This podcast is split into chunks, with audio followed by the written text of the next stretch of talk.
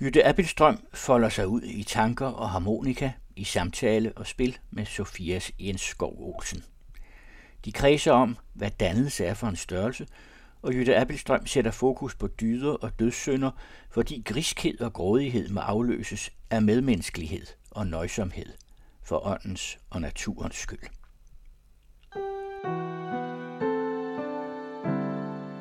Nå, jamen skal vi, øh, skal vi begynde? Ja. Godt. Oh, show me the home where the buffalo roam and the deer and the antelope play. Det skal vi nok få glæde af. Jeg sidder midt i en frodig have. Eller er det en jungle? Jeg er ikke helt sikker. Jeg sidder hos Jytte Appelstrøm, som har været så sød at sige ja til at få mig på besøg. Og jeg sidder her i Jyttes hus. Og Jytte, du har sagt ja til at tale med mig om dannelse. Og det kan man blive ved at tale om, Ja. uanset alder. Det ja, kan man. Det kan man nemlig. Hvad er det for noget, det der dannelse? Jeg bliver nødt til altid at nævne mine forældre. De talte altid om, at man skal tænke på ordet og konsekvensen af ordet, så man skulle opføre sig pænt. Det er jo en form for dannelse. Ja. Og det mærkede jeg også, når, når, når vi var ude at handle. De sagde altid tak, og de behandlede hinanden ordentligt. Og dengang havde man jo ikke numre. Og så var det altid sådan, jeg tror, de kom før mig og sådan. I busser og i tog, de var altid høflige. Jeg kan kun sende dem kærlighed op i himlen. Og det er, jo, det er jo meget vigtigt.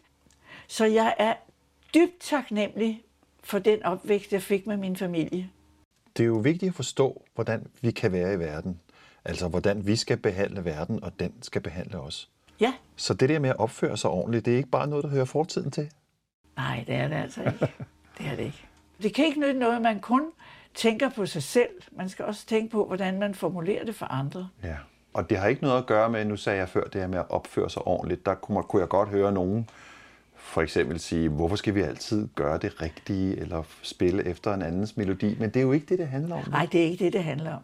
Nej, det er slet ikke det. Men, men hvad er det så, det handler om? Altså, hvad er det, der er inde bag ved det, som så er andet og mere end bare at gøre, som der bliver sagt, hvis man kan sige det på den måde? Meget vi tog os af. Ved du, hvad det var? Nej. Det var dyder og dødsønder. Og hernede under bordet, hvor jeg sidder, der har jeg faktisk en bog. Kan du se, hvad den hedder? Ja. En lille bog om store dyder. Og det er 18 dyder, det er André Consponville. Og jeg købte den for mange år siden, og jeg sidder og læser den, genlæser den, fordi øh, taler I om dyder derhjemme? Høflighed, troskab, besindighed, mådehold, tapperhed, retfærdighed, gavmildhed, medlidenhed og meget mere. Og i sin tid var der 50 bøger på udsalg. Dem købte jeg, og så forærede jeg dem væk, når jeg var ude og holde foredrag. Nu har jeg kun den her ene tilbage. Men Jytte, hvad betyder dyder og dødssynder for os? Øh, Det lyder umiddelbart som nogle meget tunge og alvorlige begreber. Øh, Hvordan kan de hjælpe os i dag? det er meget svært at formulere, her er det gode, her er det onde, og hvordan bringer vi det videre, så det er det gode, der har mest vægt. Ikke? Jo. Så en af de historier, som prægede min barndom, det var konen i murgrøften. Og den historie, konen i murgrøften, som en, en øh, sydslesvigsk maler skrev i 1806, og så fandt brødrene Grimm den. Den er jo genial, for når folk bliver grådige, så rejser naturen sig. Mm. Og da hun til sidst siger, hun vil være Gud, og så siger flynderen, gå hjem, hun sidder igen i murgrøften, så sagde mine forældre, det er ikke som hævn, men det er fordi, hun skulle gøre et bedre afsæt. Tænk, det fik jeg at vide som barn. Ja. Er det ikke genialt? Jo. Men er det ligefrem os, der sidder som konen i muddergrøften i dag? Og, og er det derfor, at vi skal tale om dyder og dødssynder?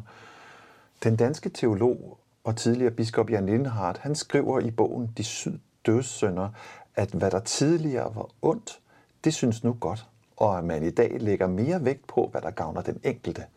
Nu er de syv dødssynder nærmest at betragte som dyder, som bliver værdsat som drivkræfter i samfundsudviklingen. Altså, At vi har fået en mere individualistisk kultur, og at der ikke længere findes givende fællesskaber, og at vi derfor er hensat til at sige, at den enkelte må finde sin vej. Altså, har vi glemt dyderne? Har vi valgt det forkerte afsæt, og er vi nu endt i en muddergrøft fuld af dødssynder? Ja. Jeg, jeg mødte en forfatterinde øh, i 1965, der hed Elsa Græs, og hun var meget optaget af de syv dødssynder og lavede faktisk et stykke omkring de syv dødssynder. Ja. Og hendes datter Barbara lavede nogle fantastiske figurer til, for det er vigtigt, at vi taler om det. Fordi, nu siger jeg noget andet, som er kommet bag på mig. Mm-hmm. Hvad er det? At grådighed og griskhed og forbrug skaber velfærd. Så når jeg er ude at holde foredrag, så siger jeg, skal vi ikke skille det ord ad? Velfærd. En færd, der er vel. Skal vi ikke tænke på, hvor meget jord og luft ilder vand kan holde til, sådan så vi tænker på at være ydmyg og nøjsom. Men øhm, siger du her, at vores velfærd er bygget på dødssynder? Det kan jo ikke være godt. Nej, det kan ikke være godt, og det er jo derfor, at vi skal hjælpe hinanden. Hvordan kommer vi ud af det traume, som det jo faktisk blevet et traume? Jamen, kan du sige lidt om, hvad det traume giver sig udslag i? Altså, hvad er det, vi står i i vores samtid? Øh, og hvordan oplever vi det? Vi tør godt sige det, men vi siger det med så meget kærlighed, at det kan ændres. Ikke? Og det er jo derfor, vi sidder her. Fordi hvis, hvis vi bliver ved at bygge det op på den angst, som vi giver de unge? Så de begynder at tage stoffer og drikke, det går jo simpelthen ikke. Så derfor tænk, at jeg fik lov at bo hjemme til jeg var 26, og jeg havde sikkert boet der endnu, hvis ikke jeg var flyttet. Jeg havde det chatol, jeg har stående herinde, og en seng og ikke andet. Vi bliver nødt til at hjælpe de unge med at, at finde nogle nye idealer. Ja, hvor, altså. Hvordan mener du? Altså nye drømme, eller øh, nye måder at leve på, nye måder at gå i skole på? I rigtig mange år, så var der familiehøjskoler. Og så kom jeg, jeg gav 10 numre på en harmonika, så var jeg nede og lege med dem. Gamle lege. Den leg gør, at voksen og barn kommer sammen på en skøn måde. Ikke? Hvor er lejen henne af i dag? Nu ved jeg godt, at jeg taler ikke så pænt om den digitale verden. Der er nogen, der har opfundet den, fordi de tror, det giver samhørighed. Men jeg er ked af at sige det. Hvis ikke du kan mærke en hånd og et klap, det kan du ikke gennem det digitale. Nej. Det er den menneskelighed, vi skal have tilbage. Undskyld, jeg siger det. Når børn er små, så bliver de krammet, ikke? Så snart de er lidt større, en vis overgang, så bliver de generede. Det er okay. Okay. Men ved du hvad? Krammet må tilbage. Altså nu ved jeg godt, der har været corona, og så må man ikke sådan nogle ting. Ikke? Men øh, i hvert fald både det åndelige kram, ikke? og så det fysiske kram. Det er på alle områder, at vi skal øh, kaste tingene op i luften og gribe dem igen og tænke os om. Hmm. Ikke alene for vores egen skyld, men for kommende slægters skyld. Ja, ja. Men, men kan vi det? Vi, har vi råd? Det er jo, vi lever midt i en krise. Hvordan har vi råd til at, at gøre det, når kaste det hele op i luften, som du siger? Øh, måske er grunden til, at vi har indført iPads og computer i skolen, jo netop, at vi ikke har råd til at lave skole på den gammeldags måde, kan man sige. Hvordan skal vi... Alt er blevet dyrere. Jeg kan huske for mange, mange år siden, jeg sad op på en skole, og så sagde skoledirektøren, vi skal passe på ikke at blive for dyre for hinanden. Ikke? Altså det er menneskelige varme, vi ikke må spare på. Men synes du, vi gør det? Altså, hvor galt står det egentlig til? Vi er kommet derhen, hvor vi virkelig skal tage et stort skridt. Ja. Alle sammen. Ikke kun skolen, men også forældrene. Og hvis ikke forældrene kan, så i hvert fald dem, der leger med børnene, eller har, har med børnene at gøre. Ja. Ikke? Jeg vil ikke tale og grimt om skærme, men altså, jeg savner mennesket til mennesket. Mm. Og jeg tror, at både øh, lærere og elever og forældre, alle vil blive mere glade for, at der kommer mere balance mellem skærmen og mennesket. Ja. Jeg kan ikke sige det smukkere. Nej, det tror jeg er rigtigt. Vi mennesker, vi er af krop og hud, ikke? Og det hænger jo sammen med sjælen indeni. Nu siger jeg noget helt banalt.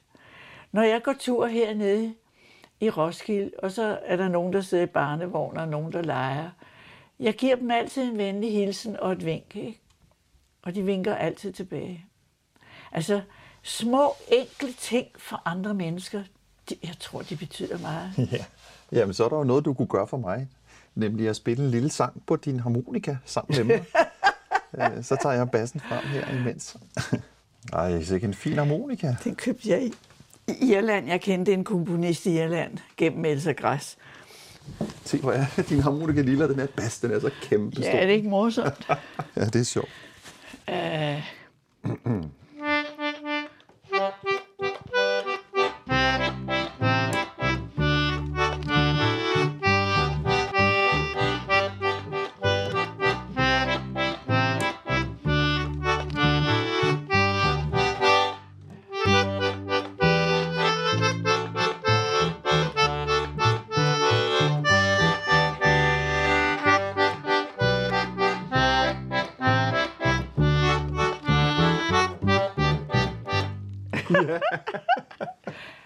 kan kun sige nummer. Og, øh, jamen, at, tænk, hvad jeg har spillet det. Ja, ja.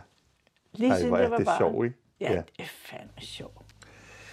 Jytte, nu talte vi før om dyder og dødssynder og det med den med krammet og den varme medmenneskelighed, som vi ikke må spare på.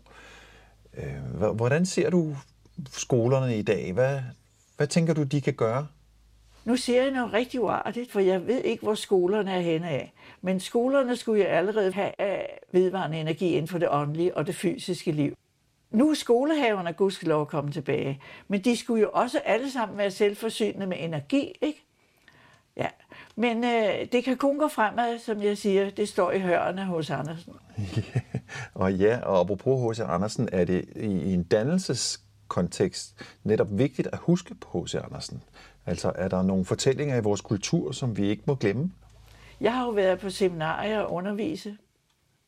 Men da socialrealismen kom, så sagde de, du kan godt blive hjemme, for H.C. Andersen betyder ikke noget mere. Og tænk den visdom, der er i H.C. Andersen.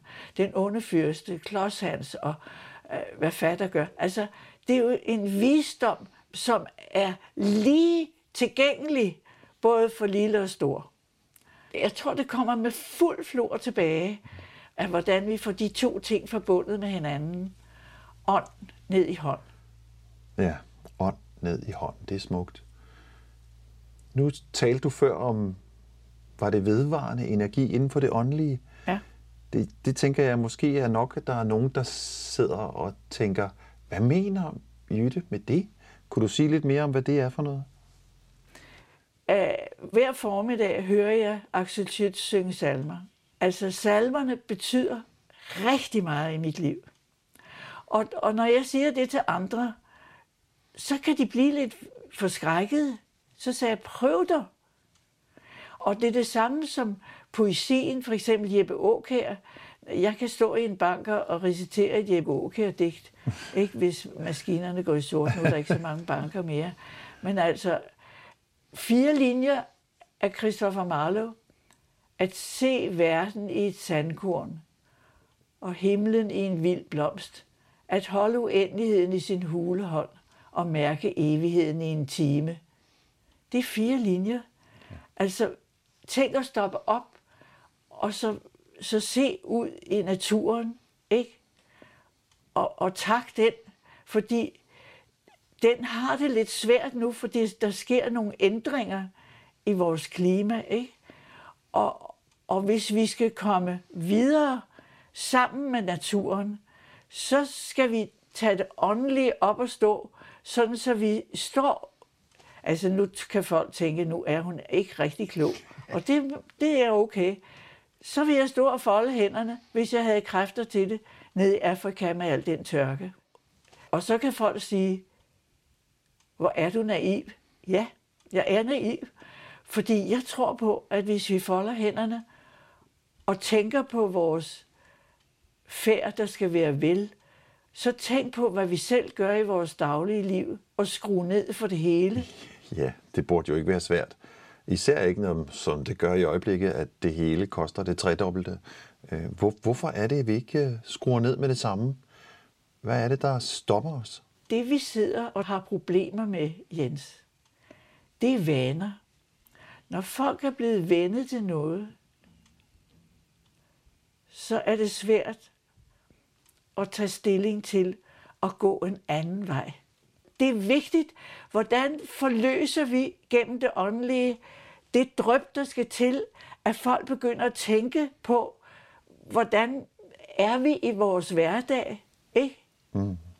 Kan vi skrue ned for blusset, sådan så der kommer balance både i ånd og hånd?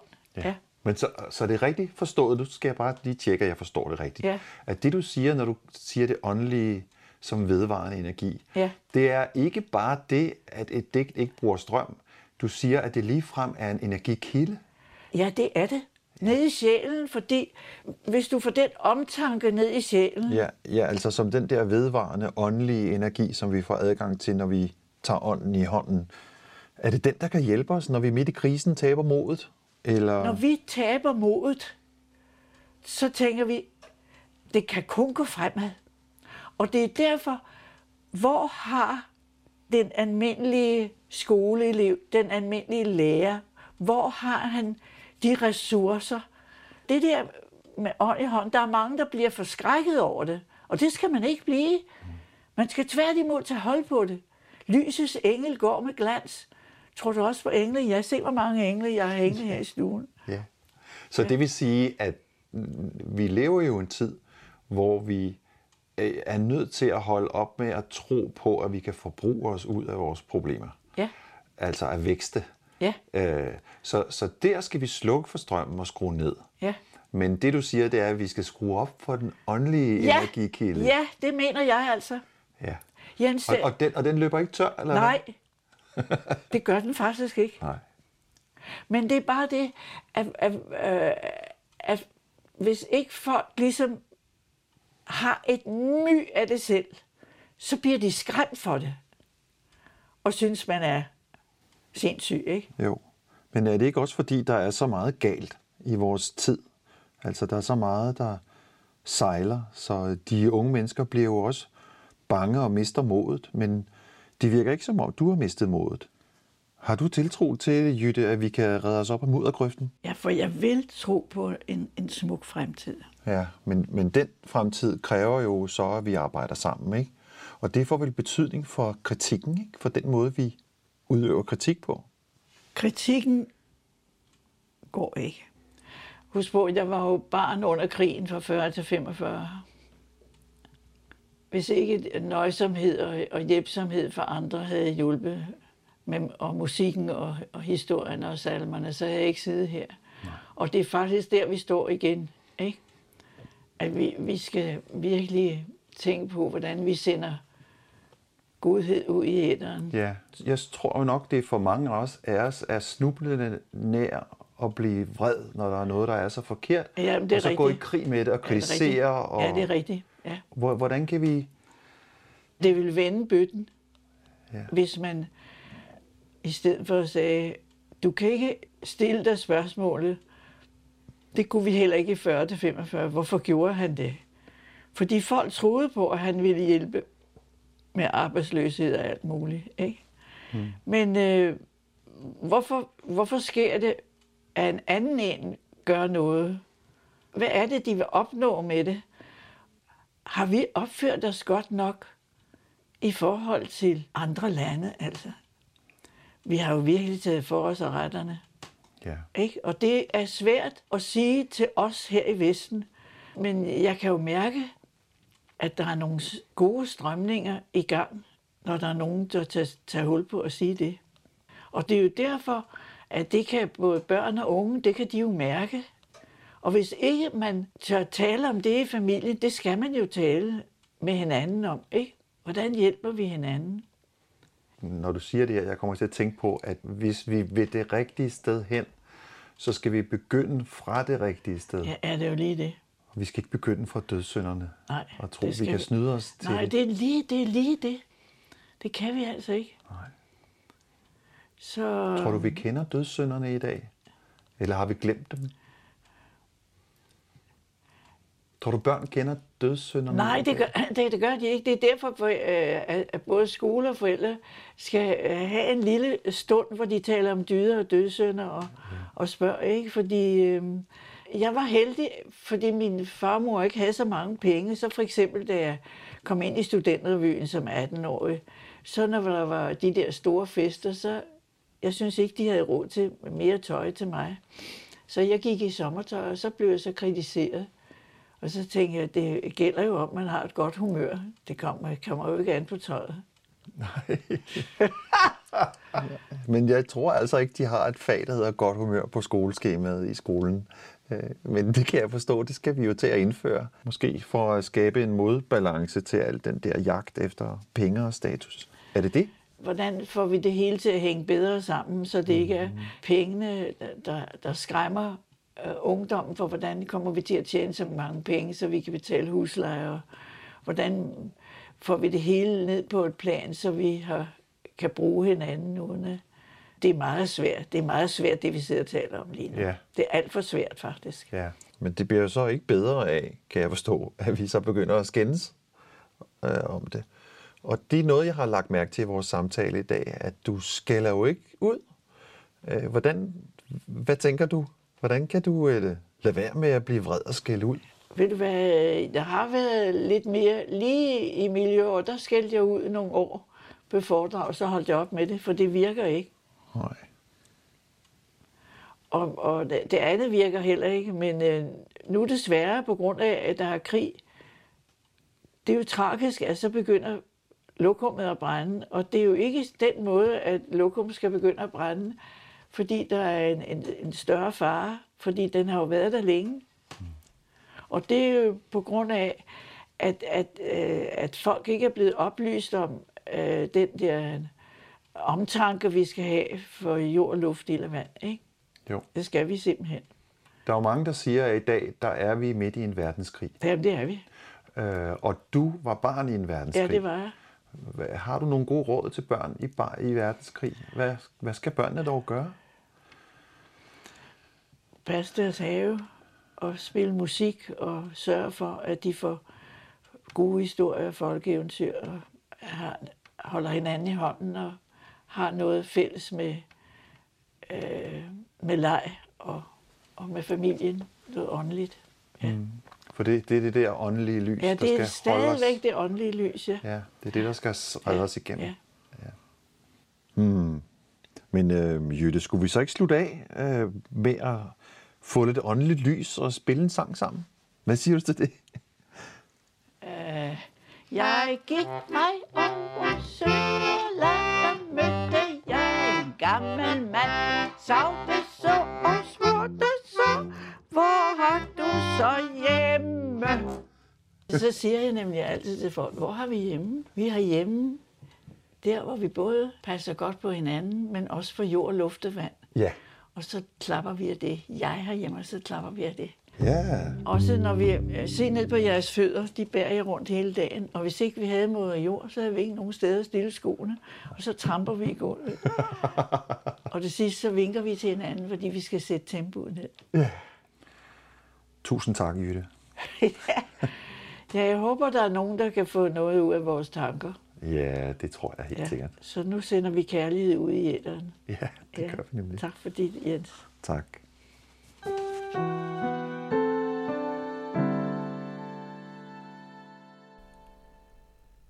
Jytte Appelstrøm fortalte i denne 14. Sofia-samtale om, hvordan hun trods vores griskhed og ødelæggelse af ånd og natur bevarer optimismen og tror på en smuk fremtid, hvis vi formår at gøre op med vores vaner. Og som bonus spillede hun harmonika til Jens Skov Olsens bas.